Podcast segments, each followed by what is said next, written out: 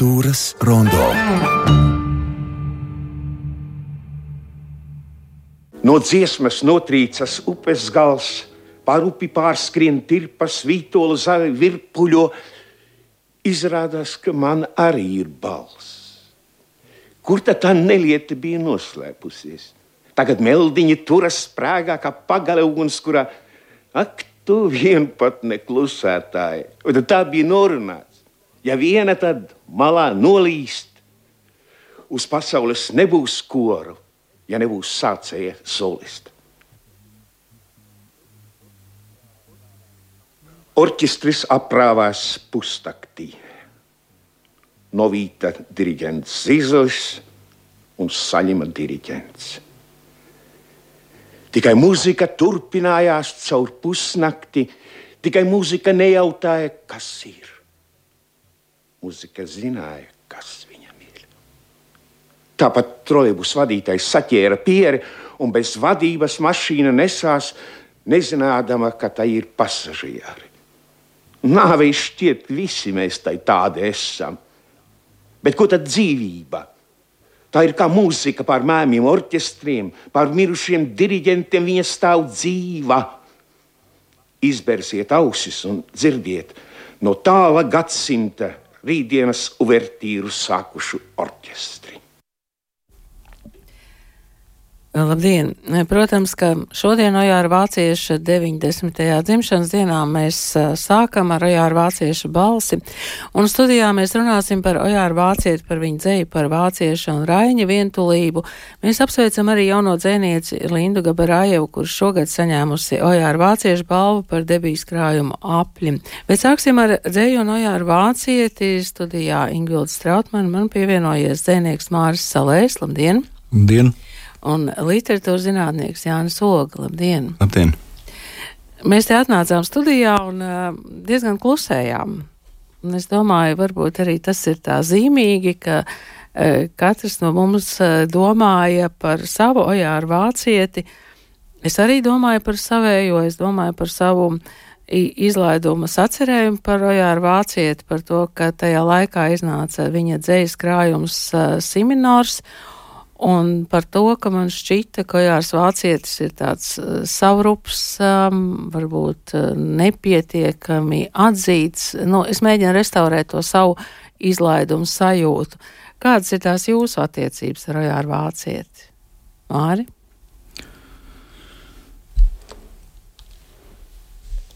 Man vācietis iespējams sākās ar krājumu Melnās ogas o, ļoti agri, nu, pusaudzībā.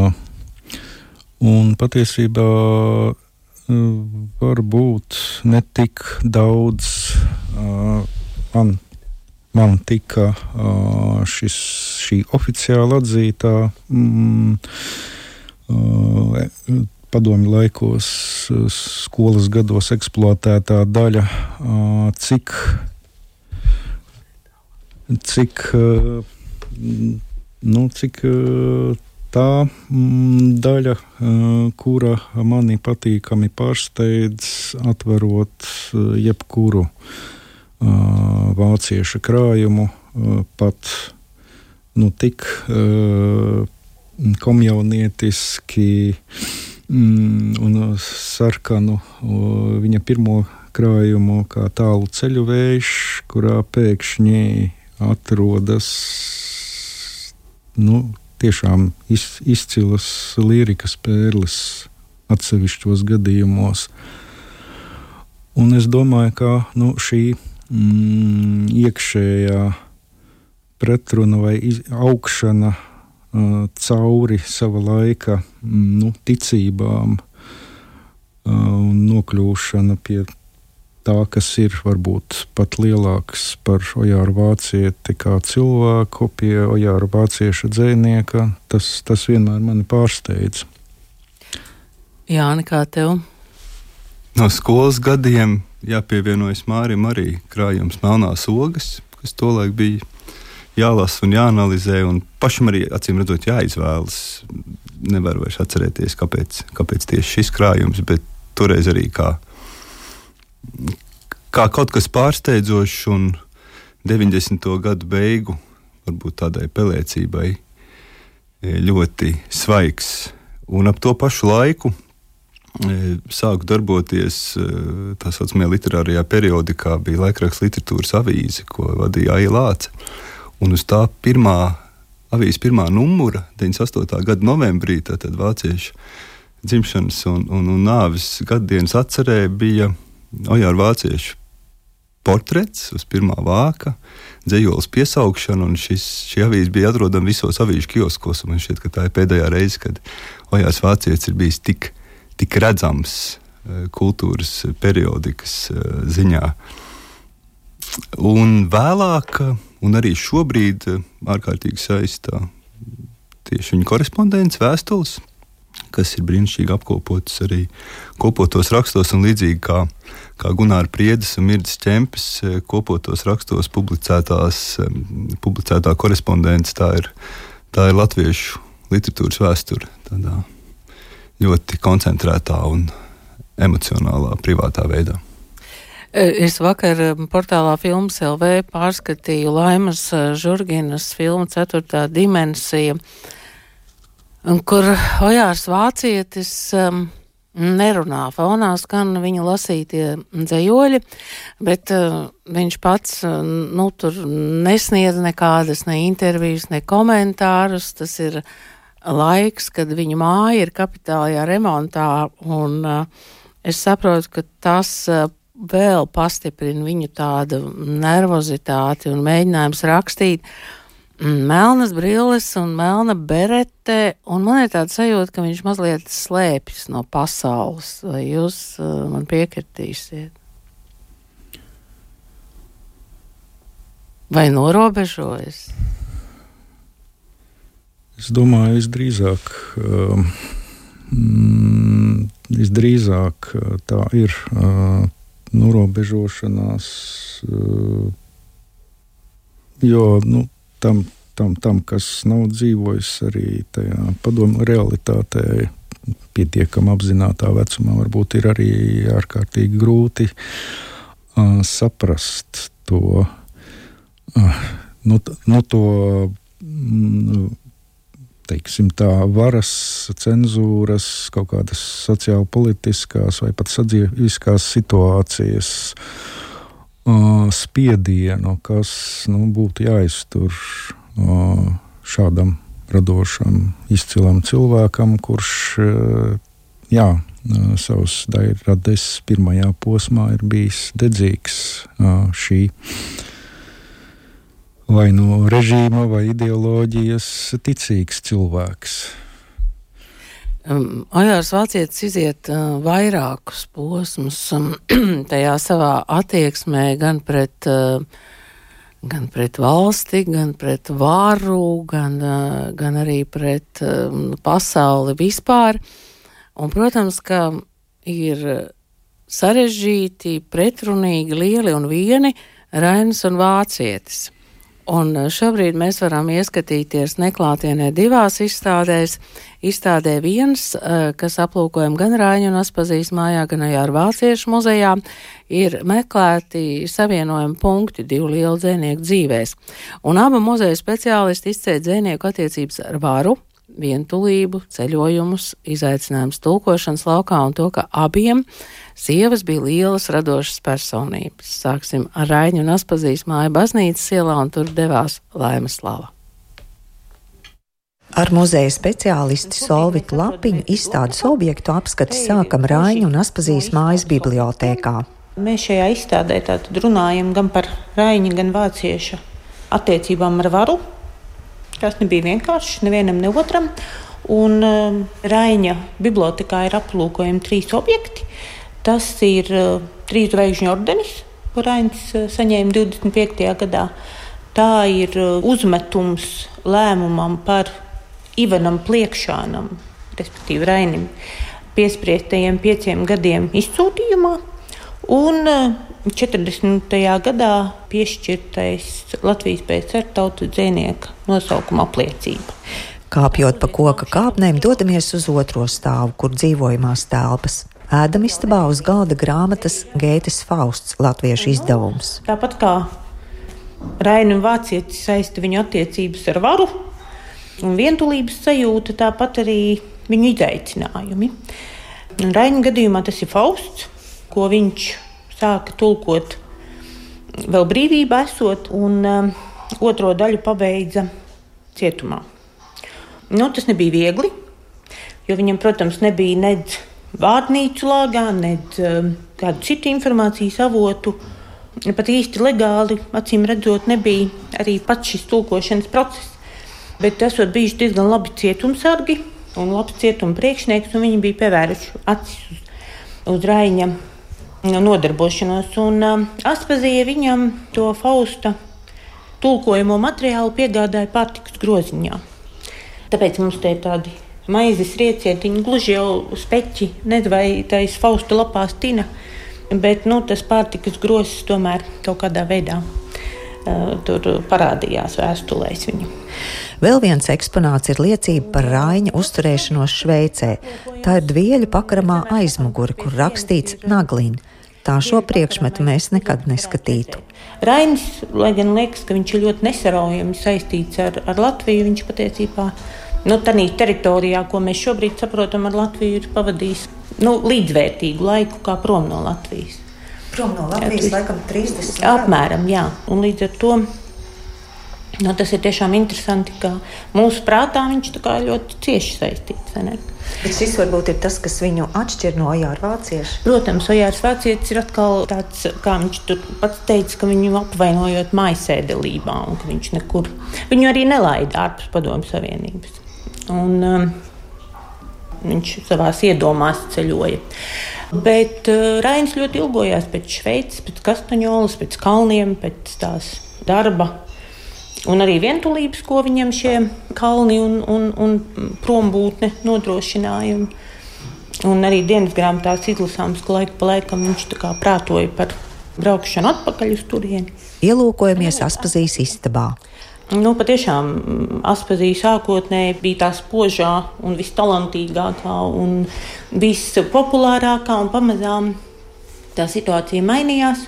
Un pēc Raņa nāves tas bija arī diezgan sērīgi un bēdīgi. Aspazijai nācās pārdot šo baznīcas ielas māju un pārvākties uz jūrmalu. Un viņai pārāk viegli neklājās, bet 1936. gadā Aspazijai no Prāgas pienāca vēstule, ko viņai atsūtīja kāds profesors Husareks, kas paziņoja, ka viņa ir iekļauta 64 mūsu laika ievērojamāko sieviešu sarakstā. Tas bija tāds monumentāls izdevums sešos sējumos. Un Aspazīja bija pirmajā sējumā. Un kā tas Husareks vēstulē raksta, tad jūs saprotat, ka jūs esat labākā no labākajiem. Un otrs, eh, nu, tad, kad eh, Padomju Savienība Latviju okupēja, Aspazīja palika principā bez iztikas līdzekļiem. Viņai tika atņemta viņas eh, Latvijas laika piešķirtā pensija, un viņa netika pie saviem arī kaut kādiem naudas līdzekļiem, kas bija bankā. Un tad par viņu beig beigās apžēlojās, un 41. gadā viņai kā tautas dzēnieka Raina dzīves biedrei tika piešķirta nopelnu pensija. Bet eh, nu, vairs nekāda dzēniecēja aspazīja, bet kā Raina atraitnējām.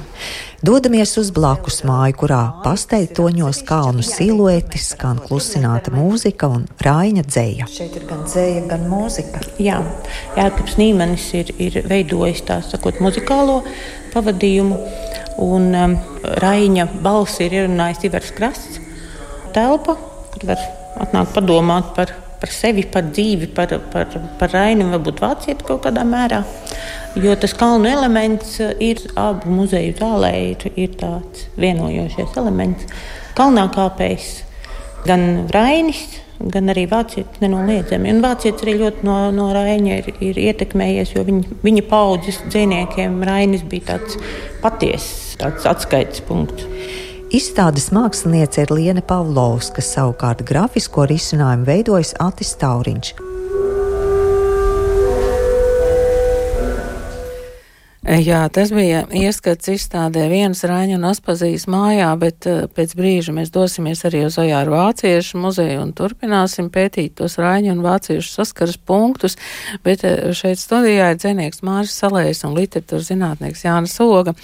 Doma zīmē, žurnāls Doma zīme rosināja mm, vairākus Ojāra vāciešu dzējas motīvus, kas iedvesmotu mūsdienu autoru dzēju, un tādi ir vairāki. Māri, jūs arī esat to vidū, vai jūs varat mums kādu nolasīt, vai varbūt pateikt arī, kurš motīvs tad ir ierosinājis jūsu? Uh, Vācieti imitēt nav iespējams, un tas arī laikam nebūtu arī jādara. Man laikam no vāciešu uzrunā šī viņa attiecības vai viņa dabas izjūšana. Nu, tā ir kaut kāda apbrīnojama un universāla.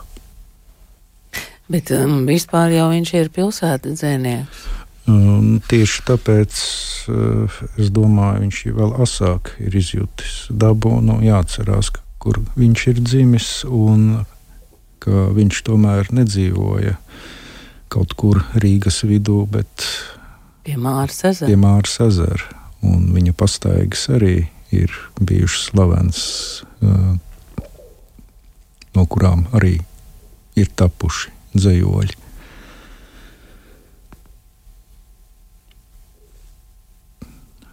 Viens dzējolis. Tas ir tik jocīgi atpakaļ dzimt vienā no simtiem dziesmu, nodziedāt cauri bezjēgai, tik silti, ka saulē būs vēl viena minūte laika aizķerties mežam aiz malas. Viena degšana izstiepjas ilgāka, viens cilvēks un viena smilga, vienā augumā ar savu īso īstumu. Apjauš. Divi. Tas ir tā, pieskaries vēlreiz tam vārdam, tam cilvēkam. Viņš nodedzinājis visus tiltus un iededzinājies laikā. Lasītāji, tas var nesāpēt. Ja tev nevajag pat nesāc.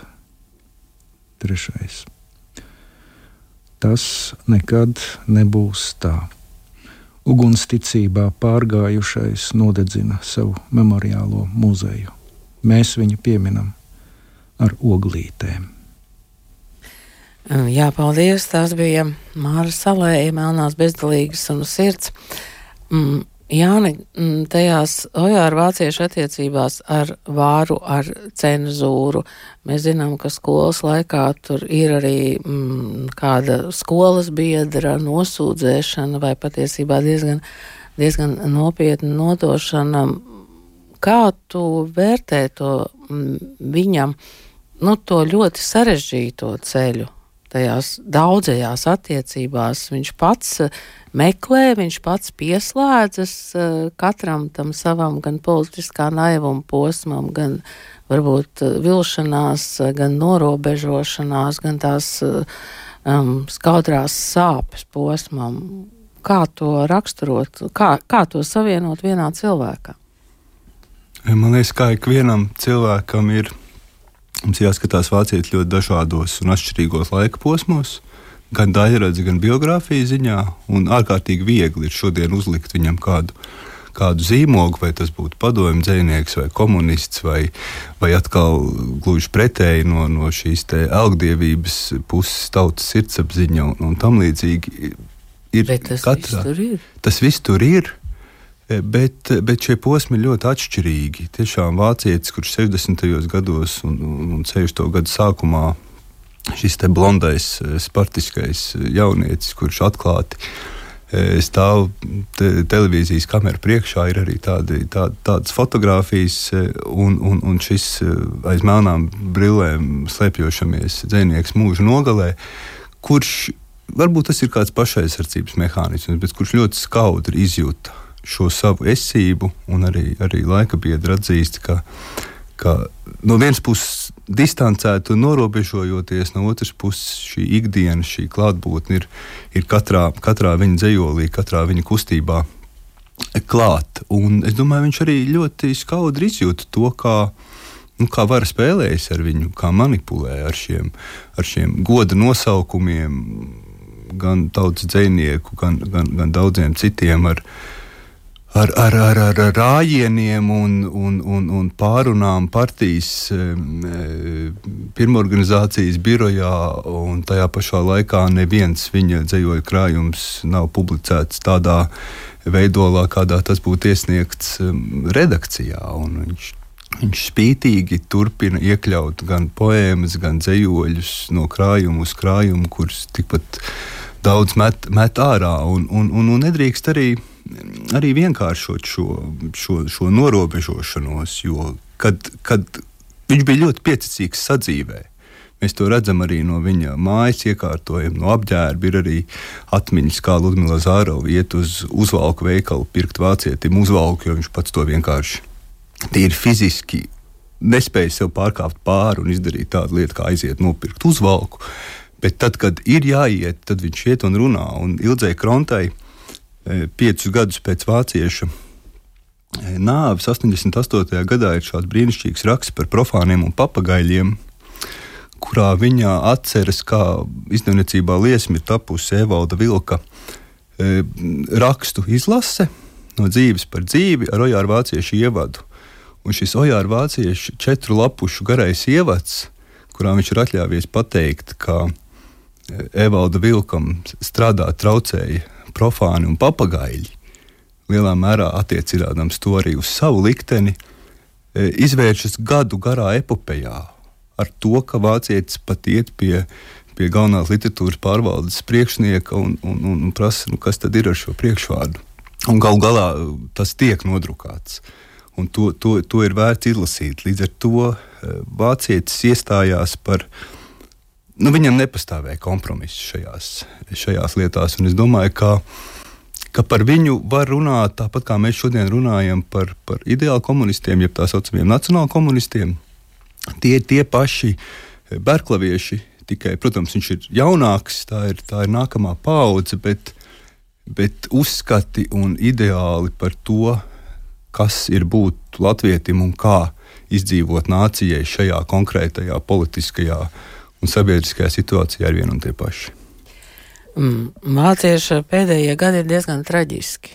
Um, nu, es domāju, ka nav vairs noslēpums par alkoholismu un nu, par ļoti sarežģīto, uh, sarežģīto sadzīvi. Um, nu, tā ir tāda padošanās. Nu, šī, šī attiecības ar alkoholu, protams, ir, ir bijušas vienmēr, gan īpaši jau radošo radošo personību vidū. Un arī mūsdienās tas nav nekas, nav nekas neparasts. Bet eh, jā, droši vien tā ir bēgšana, bēgšana no realitātes, bet es nedomāju, ka es būtu spējīgs atbildēt uz šo jautājumu.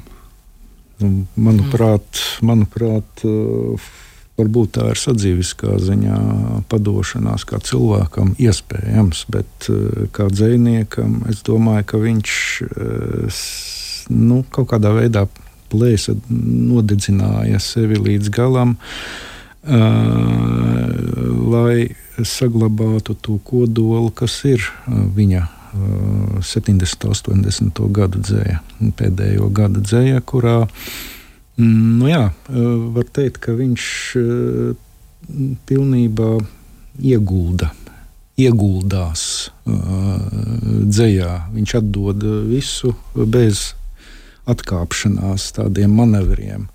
Kurā, nu, tas, tas arī ir redzams, kā, ko viņš izdara ar valodu, eh, ka, viņš, kā viņš sakausē šos dažādos valodas slāņus, kas joprojām es lasu, un tas ir kaut kas nu, unikāls un pārsteidzošs, manuprāt. Ko viņš izdara, ko viņš izvelk. Un tā viņš kaut kā personiski aptausta, iztausta arī tos, nu, tos milzīgos mērogus, universālos mērogus. Nu, tādā ziņā viņi var saistīt ar Raini. Kaut gan šeit, šajā, nu, šajā kaut kādā patosā, iekšējā patosā, iekšējā pretrunīgumā, es pat teiktu, ka viņš ir drusku tuvāks tomēr Veidenbaumam. Ar šo, uh, nu, jā, ar, ar, ar šo absolūti uh, nu, tie, e, sevis tiesājošo skatienu, ar šo, ka viņš e, redz to lielo, bet viņš e, redz arī uh, to, ko izdara realitāte ar šo lielo. Un vienlaikus atkal šajā mazajā atkal atdzemdina šajās ikdienas norisēs šo lielo uh, universālo. Vēl bija jāpiebilda. Un fascinējoši, ka arī būdams tiešām smagi slims, teiksim, un, un, un, un alkoholismu mākts, viņš, viņš nemirkli nepārstāja strādāt. Tie, tie, tie milzīgie dzīslis apjomi, ko viņš, ir, ko viņš ir radījis un kas vēlāk ir publicēti kopotos rakstos, ir parāda gan to viņa augsto paškritikas slieksni, gan arī milzīgā darba spējas. Tas ir kā, kā bēgšana, bet tajā pašā laikā arī domājams jaunu jaunu radošu potenciālu meklēšanu. Un es gribētu oponēt kolēģiem domzīmē, kur saka, ka it kā nebūtu bijis nepieciešams šos eh, viņa nepublicētos zejoļus eh, laist klajā, ka tas ir zem viņa standarta. Bet, bet tieši tāpēc tie ir apkopoti atsevišķi un, un varbūt ļauj. Tātad pēdējo gadu zejoļi, jā? Viss, viss mūža zejoļi, bet īpaši arī pēdējo. Jā, nu es uh, tikai atgādināšu to Sojāru vāciešu dzīves gadus. Tas ir 1933 un 1983. Um, tas tomēr ir ļoti maz. Um, nu labi, Veidenbaumam bija vēl daudz mazāk.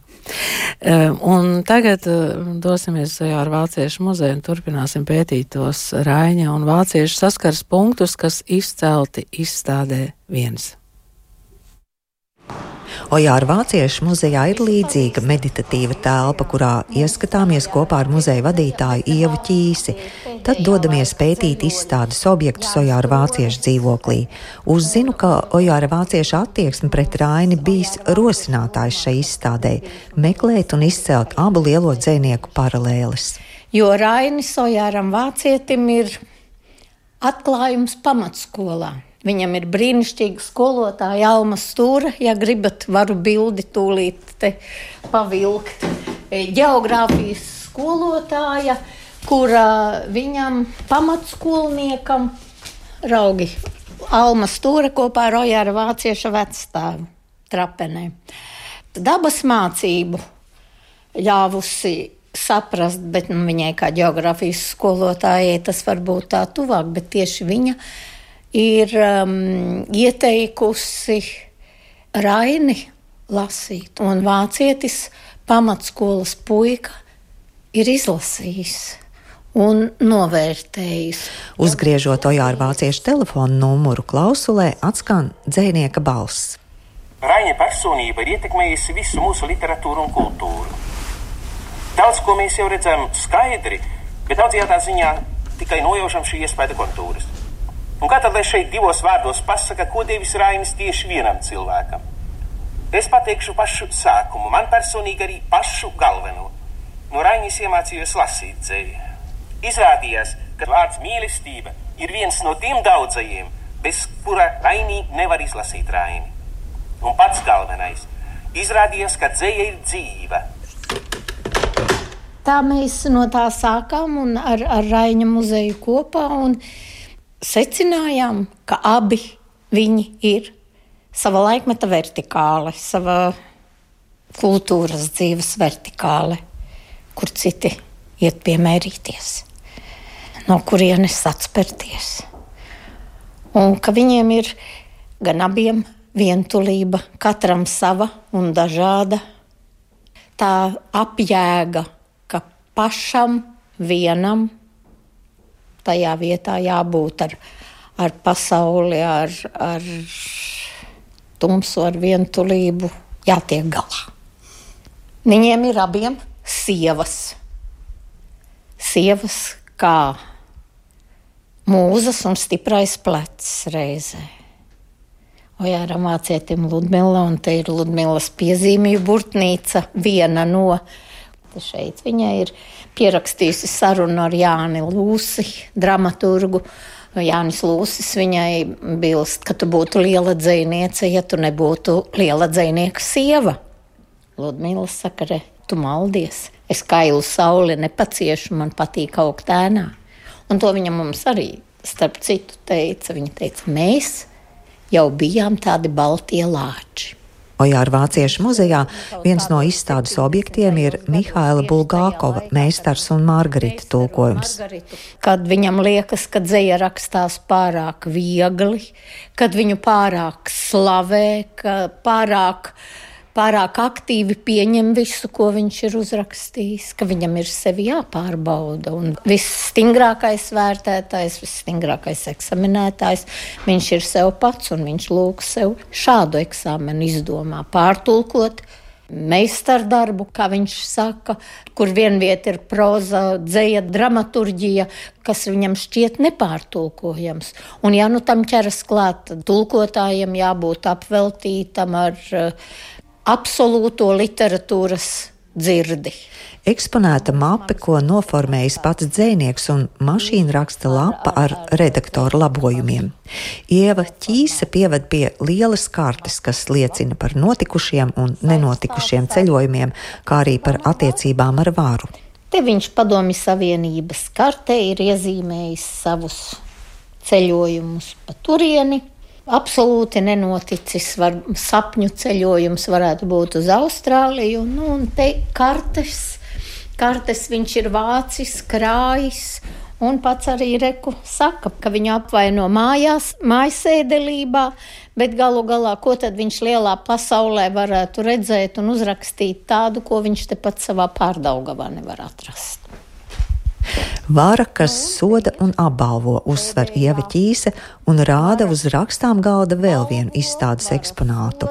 Šeit ir Ojāra Vācieša ordenis, goda zīme, lielā kultūras darbinieku grupā.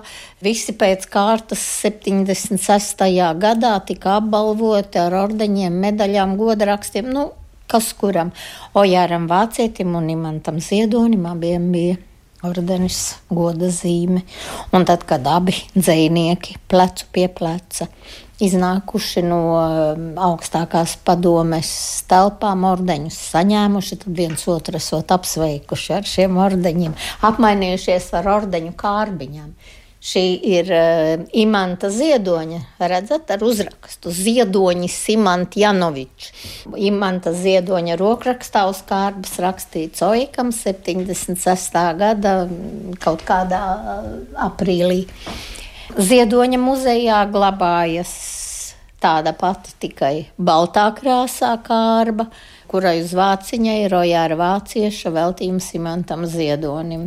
Varā apbalvo, bet um, kā dzēnieki to uztver un cik ir vai nav tas viņiem svarīgi, to mēs tā varam vērtēt. Ojāram vācietim ir dzējolis viens, tāds pats kā izstādes nosaukums, un dzējoli man vēlāk Ieva ķīse atsūta. Mums uz diviem ir viss viens, viens smaids, viens vaids un mirklis viens. Jā, tāds bija ieskats um, izstādē viens. Uh, mēs nolēmām, ka katram ir viena minūte vēl ko pateikt. Mārija, jūs gribējāt pašu vācieti? Ja? Mm, jā, lai skan pats vācietis. Kad moga, kad doma mierā dirna, kad jūta kūtris nauž, tad metāliski zirnekļi man stiepļu tīklus auž lai pamodies vēlāk es sistos pret tiem, kā aizmidzināts ar ķīmiju un no brīva meža vests un nolikts būrī. Lai slīmesti nāktu un blenstu, kāds es esmu, nemaz neesmu patiesībā.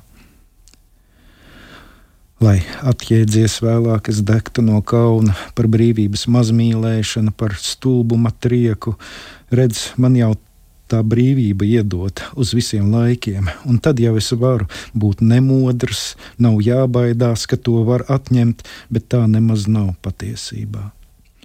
Lai sapratis vēlāk, es putotu dumpī un ņērkstētu žēlabās glumās, saka, ko vien es neizdarītu, ja būtu brīvajā mežā, bet kas nedrab pastāvīgi, kas netrīs pastāvīgi, kas pastāvīgi nav gatavs ar zobiem un nagiem par savu brīvību stāvēt un nomirt par brīvo mežu, tas nonāk šaurības, īsības, miesas un garīgā būrī, bet tas notiek patiesībā kad doma mierā dirn, kad jūta kūtri snauž, tad metāliski zirnekļi mums stiepļu tīklus auž. Ojārs Vācietis un lasīja Māris Salēs. Jāni, kāda ir tava minūte? Es gribētu izmantot iespēju pateikt paldies Vāciešu muzejam un visiem, kuri rūpējas par viņa piemiņu ar arvien jaunām izstādēm un arvien jauniem pētījumiem.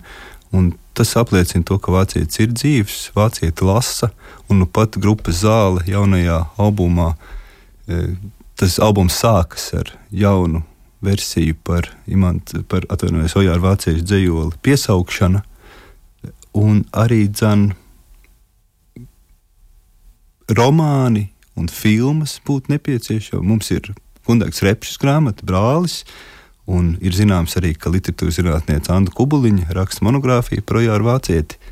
Ceram un novēlam jaunas grāmatas un jaunas pētījumus.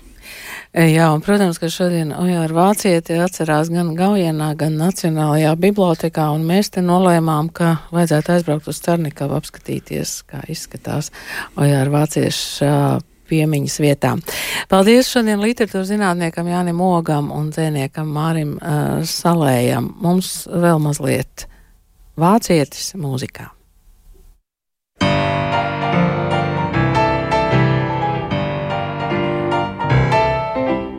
Gan jau liktenis